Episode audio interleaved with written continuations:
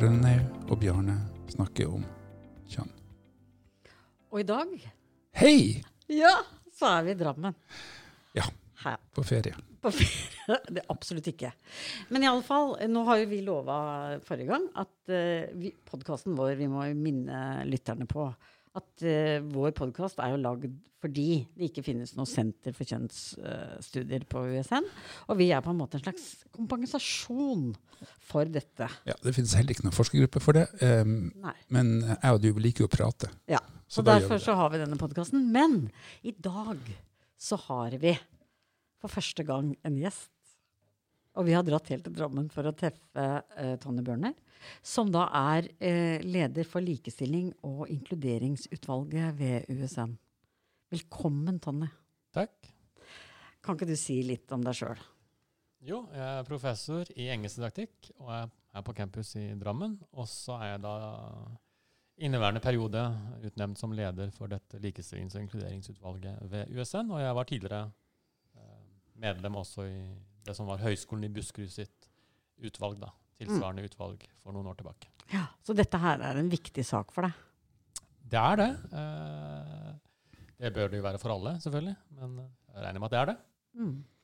Du har også vært i et utvalg? Ja, jeg var i utvalget i eh, Vestfold. Mm. Når du var det i Buskerud. Mm. Eh, men jeg har ikke vært med videre, sånn som du har. Eh, så jeg slutta med det. Men jeg fikk gjort litt da, men jeg syns jo den gangen at uh, det var litt trist fordi ledelsen var ikke så veldig involvert.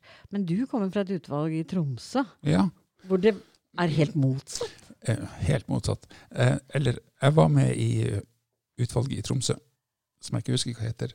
Men eh, ut, ja, mm -hmm, nesten det samme som her, i hvert fall. Eh, Likestilling og mangfoldutvalget ish, eh, ved UiT i forrige periode. Men så tok jeg til vettet og flytta sørover. Det er, det. det er jo interessant. Det her er sånn storleken. For nå er jeg eksternt medlem på dette utvalget i Tromsø, på Universitetet i Tromsø. Og det skal vi snakke mer om senere. Mm. Mm. Men så tenkte jeg at eh, det første vi skal snakke om, er jo at det er kommet en ny handlingsplan. Som da heter 'Handlingsplan for likestilling, mangfold og inkludering ved Universitetet i Sørøst-Norge'. Som er da skal gå en treårsperiode fra 2022 til 2025. Mm. Og det vi lurer på, er jo denne, dette papiret, dette, denne handlingsplanen. Hva er det dere har tenkt med den? Ja, den er jo snart ett år gammel. Mm -hmm. eh, I kraft fra 1.1.2022. Eh, Likestillings- og inkluderingsutvalget har jo, skal ha en handlingsplan. Eh, som da har mål og delmål og ansvar, slik at uh, alt det vi ønsker å gjøre, ikke blir bare på papiret, men at det blir fulgt opp av noen. Um, til syvende og sist er det personal- og organisasjonsdirektøren ved Universitetet i Sørøst-Norge, per nå Elisabeth Borhaug, som er da øverste ansvarlig for uh, at handlingsplanen blir iverksatt i de ulike delene av USN. Mm. Um, utvalget vårt kom jo i gang med arbeidet i fjor, altså 2021. Eh, da brukte vi hele året på å diskutere oss fram til eh, hva ønsker vi de neste fire årene i denne perioden da, at USN skal fokusere på. Eh, fordi forrige periode, de som var før oss, hadde jo selvfølgelig også en handlingsplan, en god en. men da som vi mente var litt for snever i definisjonen av mangfold og inkludering. Den fokuserte veldig på kjønn, som jo sikkert dere er glade for.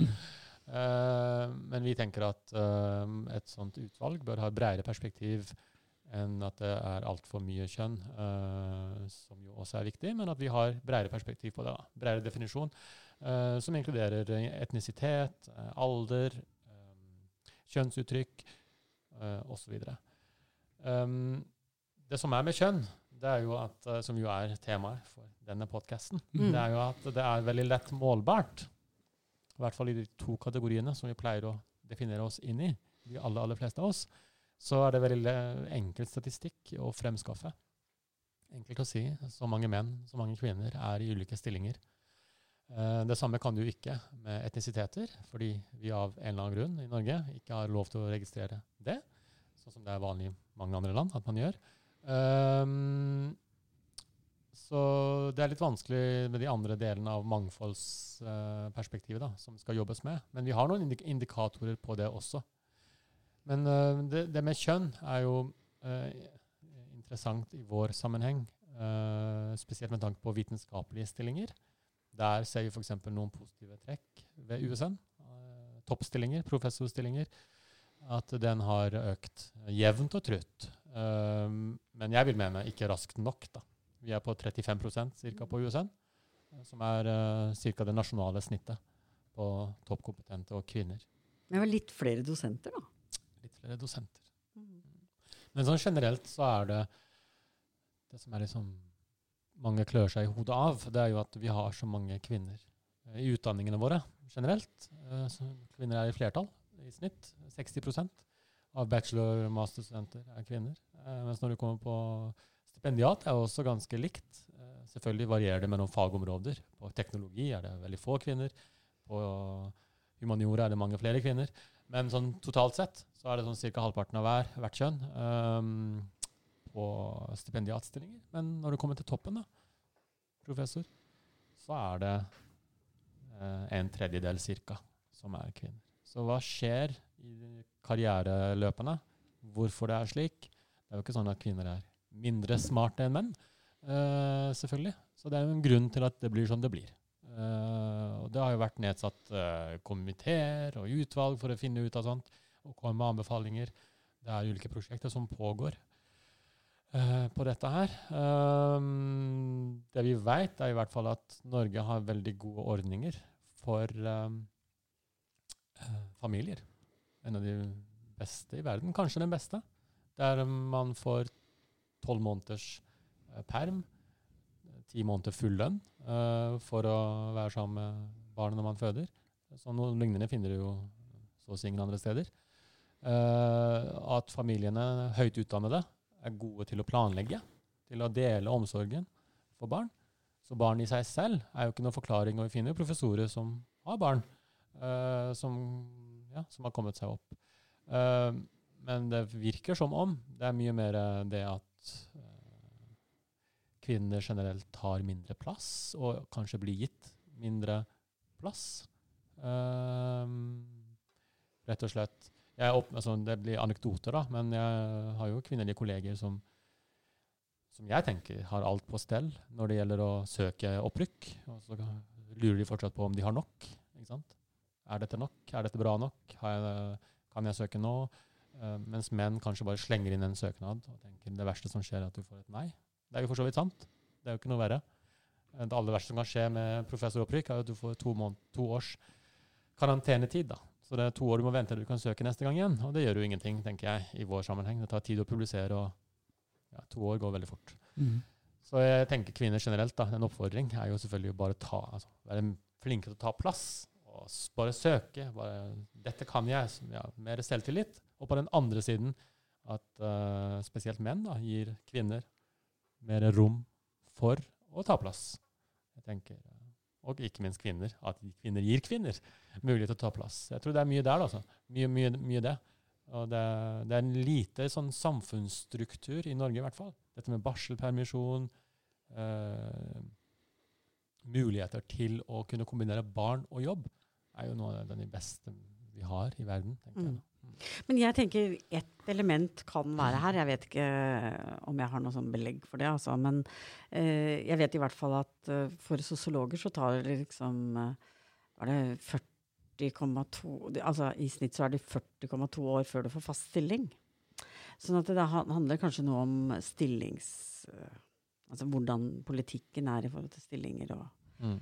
og om du føler at du er trygg nok, da.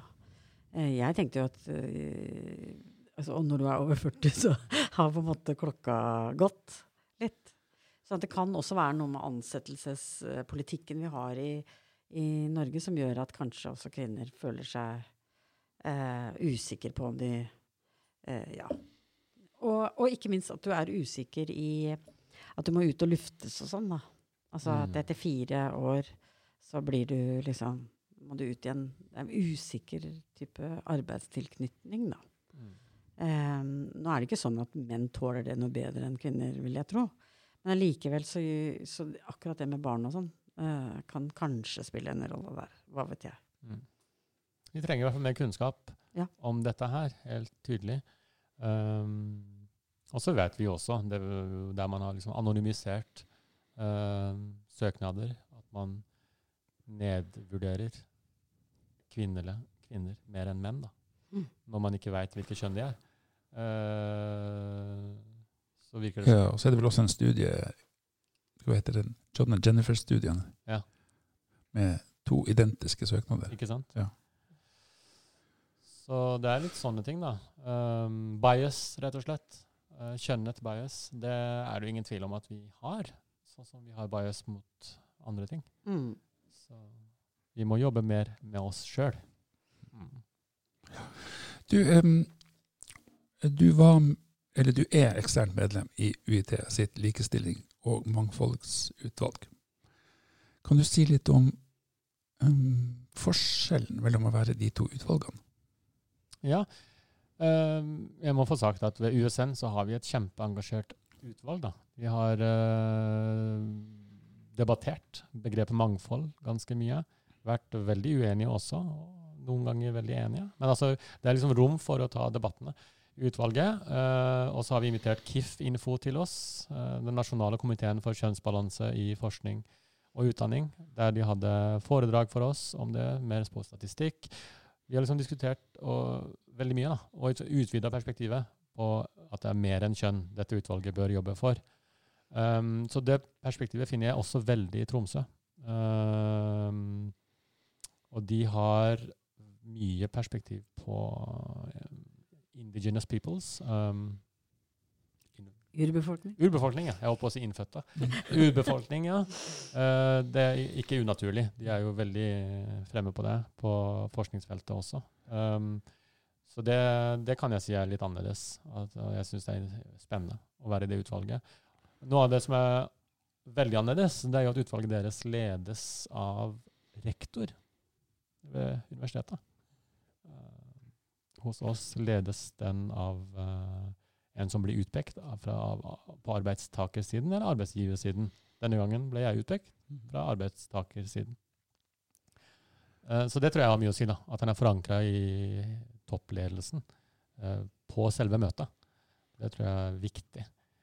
Akkurat det kunne vi med fordel gjort, tenker jeg. Og så har de en, bare en ting til. Ved Universitetet i Tromsø så har de en hel stilling til sekretærstillingen i utvalget. 100 eh, frikjøpt til å kun jobbe med dette temaet på universitetet. Eh, hos oss så er det jo en fra personal, Ingrid Kristine Reitan, som er sekretær, og hun gjør det på en måte eh, som en del av jobben sin. Og da er det ikke sånn at den får førstepri alltid, naturligvis. For det er så mye annet de holder på med i personal. Mm.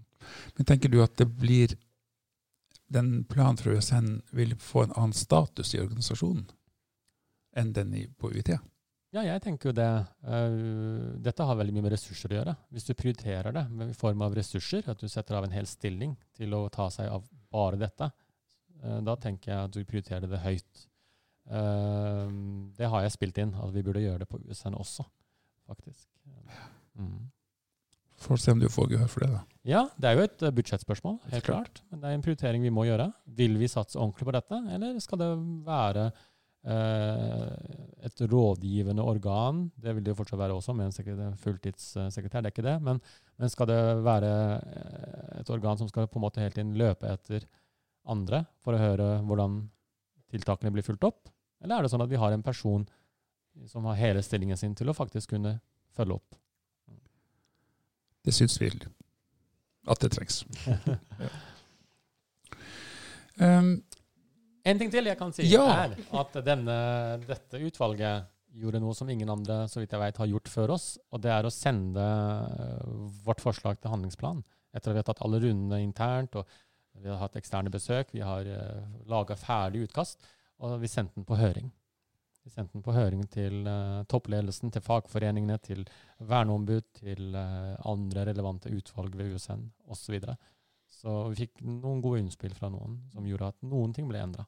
Så den har vært på en runde, og det tenker jeg er viktig for, å, for at andre på USN skjønner at vi har et sånt dokument. da. At ikke det bare er et dokument for å ha et dokument, men at det er blitt bekjentgjort blant folk. Og at uh, vi har også satt som mål at Elisabeth Borhaug, altså personal- og organisasjonsdirektøren, som øverste ansvarlig, kommer til oss en gang i året og forteller oss om status. Bra. Er det noen andre ting, Rønne, i denne sammenhengen? Ja, du, eh, du snakket nå om at eh, vi var inne på noe eh, du sa, så, Vi har nettopp vært inne på det med merittering. Mm. Og da handler det om jo ikke sant, hva er det som tolkes som merittert og ikke. En, et sånt begrep er jo det som du uh, har titta litt på, nemlig det som heter akademisk husarbeid, eh, Bjørn. Ja, det er et begrep som um, finnes, det vandrer litt rundt i akademia, kan bety litt ulike ting, men um, svenske forsker Rebekka Lund skrev om det. Og det handler egentlig om um, Hun finner at kvinner i akademia i større grad gjør arbeid som ikke er lønna, eller som ikke er meritterende. Ta hånd om nye kollegaer og eh, gjøre masse ekstra for sårbare studenter. og Ta oppvasken på pauserommet og gjøre det trivelig, da.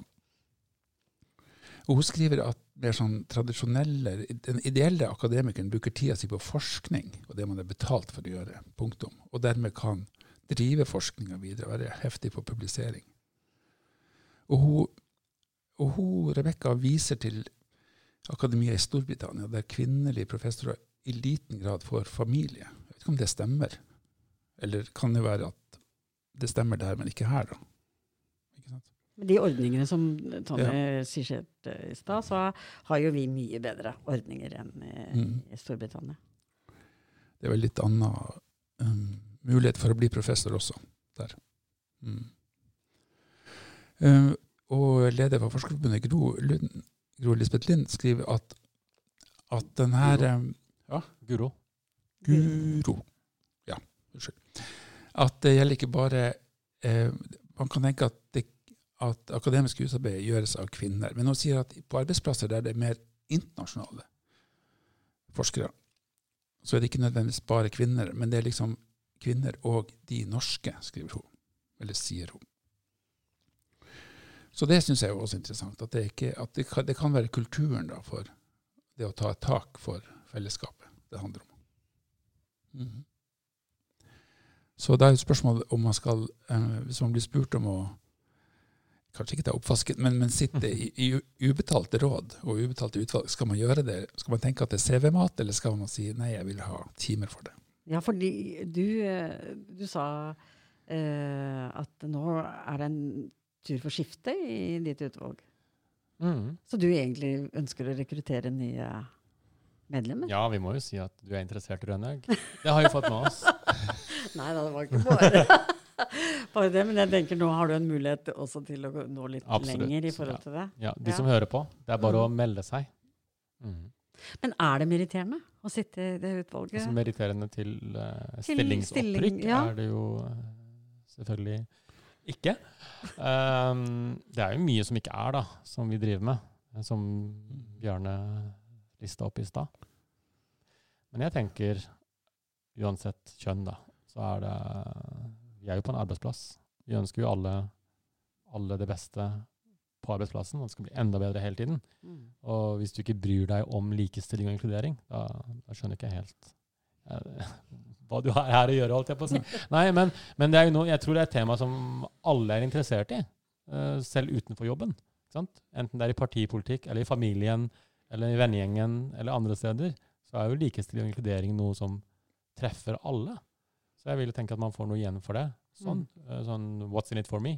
Du får jo noe du får jo forhåpentligvis mer engasjement eh, på jobben da, Mm. når du er med i et sånt utvalg. Mm. Det er ikke, det er jo ikke så mye jobb å være med i et sånt utvalg. Det er et par-tre møter i semesteret eh, som er utrolig givende.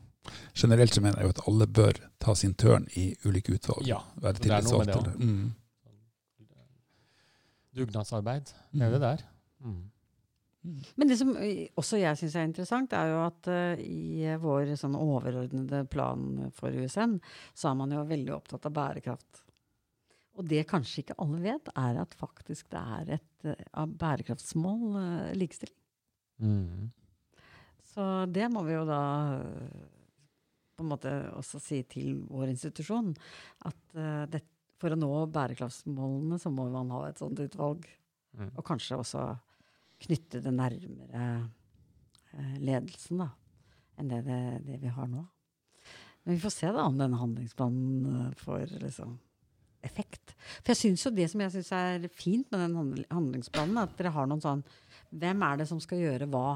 Dere har vært veldig tydelige på det, syns jeg. God statistikk eh, er det også, eh, som gir oss litt sånn derre Å ja, eh, hvor er det vi trenger å, å brette opp armene i forhold til dette? Men også det med å, hvem er det som har ansvar for eh, å nå disse ulike målene, da. Ja, det er noe vi Det er bra du har sett det. Mm. Vi har jo ikke snakka sammen på forhånd om Nei. det. Så det er veldig bra at du har lagt merke til det. For det var noe vi ble enige om. Det er at vi skal plassere ansvar, så skal det blir pulverisert. Og så skal eh, målene være målbare. Vi kan ikke ha mål og delmål som egentlig ikke kan måles, selv om det høres fint ut. Så et eksempel fra forrige handlingsplan. Skal, det er ikke sånn at jeg snakker ned handlingsplanen eh, før oss, men eh, den var bra på mange måter. Men det var ett mål for eksempel, om at uh, vi skal ha 10% ansatte med innvandrerbakgrunn. Det var et mål, da. Mm. Hvordan skal du måle det? Når det ikke er lov å registrere innvandrerbakgrunn i Norge. Så blir det veldig vanskelig å måle. Så det er tatt ut. Så det er eksempel på altså, ting vi har, eh, ønsker vi at vi skal kunne på en måte kunne vise til har skjedd noe på, eller er på vei, eller ikke skjedd noe på. Ja. Så det, Mm. Ja, for det likte jeg veldig godt i denne her uh, handlingsplanen. Som jeg sjelden har sett i handlingsplaner før, så blir det ofte veldig fort uh, sånne fine ord. Bærekraft er jo en av de. Så hvis man ikke konkretiserer på et eller annet vis bærekraftsmålene eh, inn, i, inn, inn sånn som dere har gjort, faktisk, så, så er det vanskelig å måle eller si til ledelsen at det har dere ikke gjort. og og sånne type ting. For da blir det bare nesten rituelt, og det tror jeg er eh, ja, ikke noe man ønsker at sånne type handlingsplaner skal bli, da. og det høres ut som alle på USN må lese handlingsplanen vår. Den er- Den er pensum. det tar ikke så lang tid heller. Nei, nei, nei. Den er veldig ryddig og veldig punkter. Og, uh, sånn, at, sånn sett så er den en, eh, et veldig godt stykke arbeid, så det må vi Ja, for det er noen, gratulere deg med. Jo, takk. Eller utvalget. For, for det er ikke sånn, selv om ansvaret er plassert i de ulike målene, så er det viktig å si at det er det alle gjør hver dag på jobb, som kan bidra til å oppfylle målene. Det er viktig å få sagt det. da. Selv om en dekan f.eks. satt opp på, på et mål som ansvarlig, så hjelper jo ingenting hvis ikke personalet under dekanen gjør de tingene som skal til. Mm. Flott. Mm, Skal vi gå videre? Ja, absolutt. Eh, vi skal, eh, det neste som skal snakkes om litt, det er at vi har jo hatt en konkurranse som har gått en stund, om et, eh, et skor som noen, i, noen kollegaer i korridoren helst ikke vil uttale. Men det er en annen sak. Eh, vi skal eh, ikke behandle det begrepet storkukslugn så mye i dag. Men eh, vi tar og sparer det litt til desember, når vi har vår julespesial nå. Ja. Vi skal ha en julespesial med uh, gjester. Ja, og gjester, og adventskalender, og godtepose og gløgg. Altså for oss, da. Ja. Og da skal vi lære oss hvordan vi får snakka med folk uten at vi må dra til dem, sånn som vi har gjort det Tonje, i Drammen. Ja. Eh, så da skal vi prøve å få folk på telefon og Skype Skype eller eh, på Zoom, eller hva vi skal kalle det. Og så har vel du lovd å si noe om juletradisjoner, har du ikke det? Jo, og det er jo interessant, for vi snakket om sånn akademisk husarbeid. Så handler det også om at julen på mange måter, som en sånn type tradisjon, rett og slett fører til en mer sånn konservativ eh, deling av hvem er det som gjør hva i julen. Er det far som eh, tar juletre? Hvem er det som lager ribbe? Hvem er det som lager eh, julekaker? Og hvem pynter? Sånn at det er det gjort forskning på. Og den har jeg dykka litt ned i. sånn at da skal dere få noen sånne små eh, pepperkaker, eh, likestillingspepperkaker. Og for å sette stemninga, så har jeg vært og leita etter gender neutral Christmas carols. Å, det gleder vi oss til! Det blir kjempestas. Ja. Eh, da skal vi se at eh, en litt eh, siste nytt er at eh, til vår store overraskelse så er altså denne podden på Spotify. Ja. Tenk det. Eh, og der kan du abonnere. Enten så kan du abonnere sikkert i Spotify for å høre nyheter, eller så kan du jo sende en e-post, og da får du en eksklusiv fingertrykka e-post fra meg når det kommer nye episoder. Ja. Bjarne.isaksen.usn.no. Eller hvis det er ros eller ris eller noe et eller annet. Ja, er vi passelig der? Og da må jeg si tusen takk til deg, Tonje. Veldig hyggelig å snakke med deg. Takk for at jeg fikk komme. Da trykker du på rett jingle-knapp. René.